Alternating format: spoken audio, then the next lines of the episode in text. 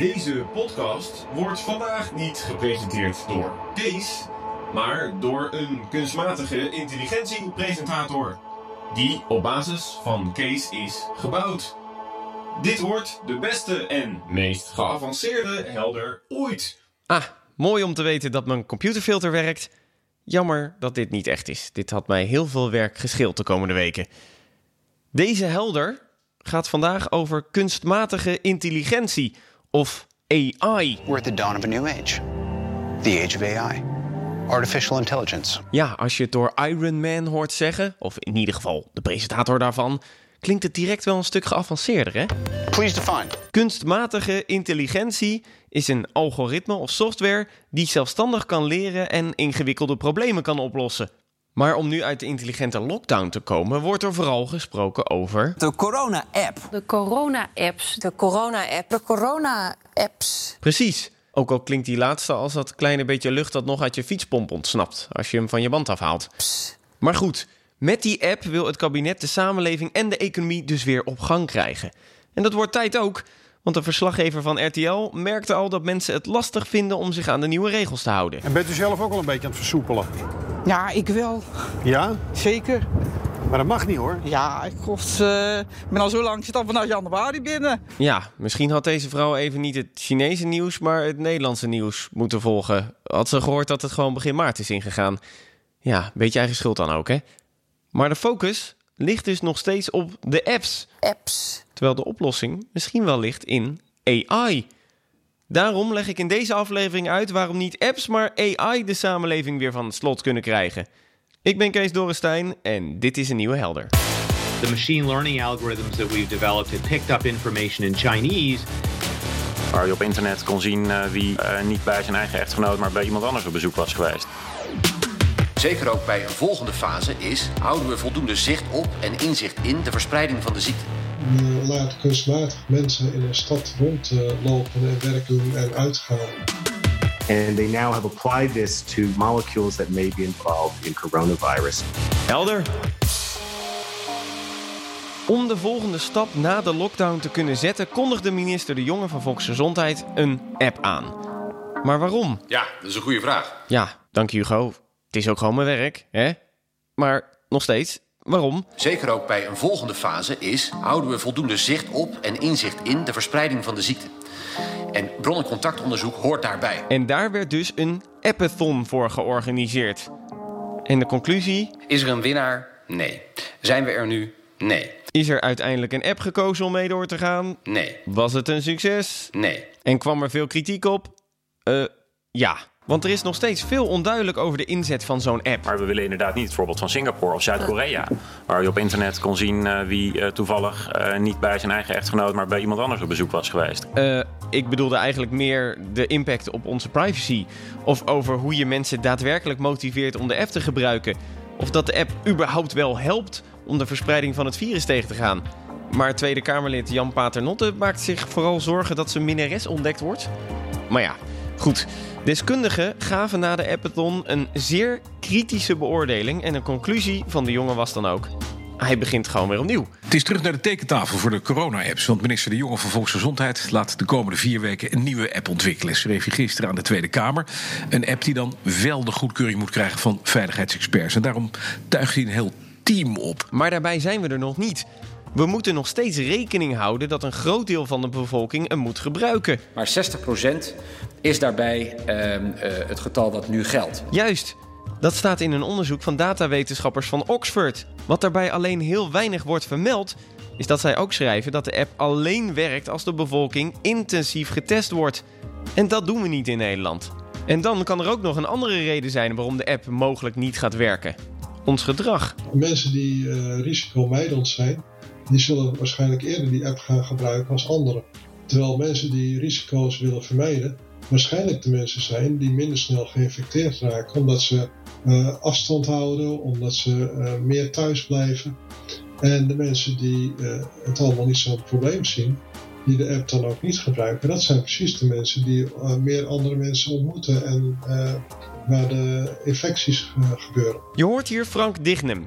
Hij is hoogleraar Socially Aware AI in Utrecht en in Zweden.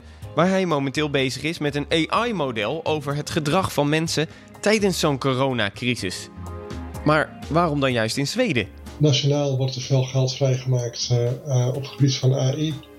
Alle dingen waarin Utrecht niet, niet heel veel uh, aandacht en geld voor was, dat kan hier wel. Oké, okay, even voor de duidelijkheid. Zweden zet dus in op konstgjord intelligens in Sverige. En Nederland nog steeds op apps. Zweden versus Nederland 1-0. Maar AI tegen corona dus. Kunstmatige intelligentie wordt al op verschillende gebieden ingezet tegen het virus. Vooral in de medische wereld om de zoektocht naar medicijnen te verkorten. Computers kunnen zo heel snel gegevens scannen en berekenen welke middelen kunnen helpen tegen het virus. Dat scheelt jaren werk. De AI van Google onderzoekt bijvoorbeeld eiwitstructuren van het virus. Google's DeepMind unit announced that they took the same technology that had been used to win at the game of Go and at chess, called originally AlphaZero, and they now have applied this to some of the molecules that may be involved in coronavirus, and they're offering this up to the world. En het Canadese Blue Dot heeft een AI ontwikkeld die de verspreiding van het virus kan voorspellen. We were one of the first groups in the world that identified this outbreak. Uh, the machine learning algorithms that we've developed had picked up information in Chinese uh, of a pneumonia, wasn't known to be a coronavirus, of unknown cause. Uh, centered around this uh, market in Wuhan. When it was presented to our team, we recognized that there were parallels to the SARS outbreak uh, 17 years earlier. Frank Dignum heeft op basis van AI een simulatiemodel gemaakt dat kan voorspellen hoe mensen reageren op verschillende overheidsmaatregelen. En dan gaat het niet alleen maar om een medisch model van hoe dat virus wordt overgedragen van de een en ander, maar ook een sociaal model van hoe gaan mensen met elkaar om, hoe reageren ze op elkaar en waar, op welke plekken wordt het eh, virus aan elkaar overgedragen. En we hebben ook nog een stuk over de economie in ons model zitten. Wat gebeurt er als de, de winkels weer open gaan, maar de, de klanten niet terugkomen? Um, dus al dat soort dingen kunnen we ook uh, bekijken. En daarmee kan zijn team dus voorspellen met welke scenario's het virus het minst verspreid wordt. Want mensen verspreiden het virus. Wat gebeurt er als je op het werk maatregelen kan treffen om bijvoorbeeld social distancing te handhaven? Wat zou je kunnen doen door uh, werktijden uh, verspreiden, zodat mensen niet allemaal tegelijk in het uh, openbaar vervoer zitten? Dat zijn allemaal dingen die we zouden kunnen bekijken. En dan kan je een redelijk goede balans maken tussen dit kan wel en dat kan niet. Wat Frank met zijn AI doet, is eigenlijk het beste te vergelijken met het computerspel SimCity. Je laat kunstmatig mensen in een stad rondlopen en werken en boodschappen doen en uitgaan. En ziet dan hoe uh, de, het virus zich nog verspreidt. En ja, als je net als ik SimCity vroeger hebt gespeeld, dan weet je dat het vooral het leukste was om je stad te vernietigen met een tornado of met Godzilla. So this is a Godzilla attack, not the college. No! Ja, nou, een goede opleiding is natuurlijk ook belangrijk, hè? Frank die doet veel slimmere dingen met zijn SimCity AI, om het maar even zo te noemen. Wat wij gebruiken is dus allerlei uh, theorieën op uh, gebied van hoe mensen uh, beslissingen maken, hoe mensen op elkaar reageren. En dat maken we allemaal onderdeel van die simulatie. Wij zagen een week voordat het in de pers kwam uh, dat mensen in de weekenden naar tuincentra en uh, bouwcentra zouden gaan. Want je ziet dat mensen iets willen doen, uh, naar buiten gaan, maar allerlei restricties zijn. Dus waar, waar, gaan ze naartoe? Naar dat soort winkels. In Nederland houden we het voorlopig bij de app. Apps. Terwijl er geen zekerheid is of mensen het gaan gebruiken en wanneer die er precies is. Het model van Frank kunnen we nu al inzetten. Want hij heeft het al aan onze overheid aangeboden, zodat het kabinet en de RIVM beslissingen kunnen nemen op basis van de simulaties. We hebben al aangeboden dat wij met onze uh, software, uh, als de adviseurs van de regering dat willen, uh, daar kunnen wij allerlei scenario's gaan doorrekenen van stel dat we dit, stel dat we dat gaan doen.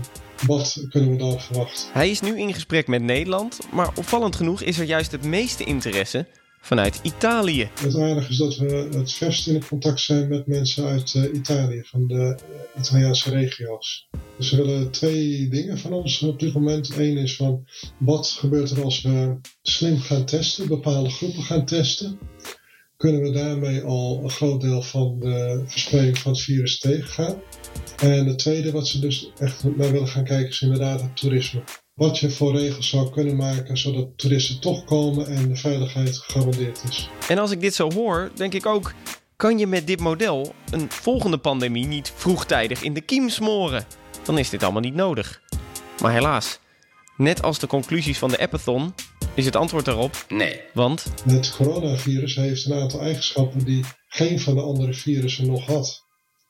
Waardoor het eigenlijk door heel veel uh, mazen van het net heen glipt. Uh, als we alles instellen op dit soort uh, virus, dan zal er een ander virus weer komen wat weer net iets anders werkt. En waardoor we weer precies de, alle monitoring die we doen, weer net niet werkt. Dus dat betekent, we kunnen nu wel weer hiervan leren en het beter doen. Maar je kan nooit zeggen dat je het kan voorkomen. We kunnen al veel met kunstmatige intelligentie. Jammer genoeg wordt het wel geprogrammeerd op basis van de informatie die we hebben. Over een nieuw virus is weinig informatie. Ja, en dan is het net als met mijn computerstem.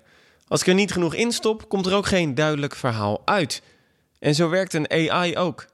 Als je niet genoeg informatie hebt, dan heeft de AI ook niet genoeg informatie om beslissingen te nemen. En daarom is een virus met een AI eigenlijk niet te voorkomen. Maar we kunnen hem dus wel gebruiken om de maatschappij in ieder geval weer op gang te krijgen. En dus valt er met een AI wel wat te genezen.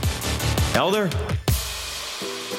Als je deze podcast leuk vond, nou dan wil ik je vragen: abonneer je er dan op in je favoriete podcastplatform en geef het eventjes een like, want dan komt hij de volgende keer bij een nieuwe aflevering ook weer voorbij.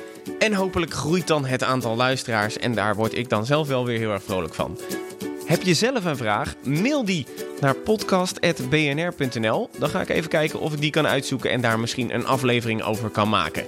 Volgende week maandagochtend weer een nieuwe aflevering. Lekker helder.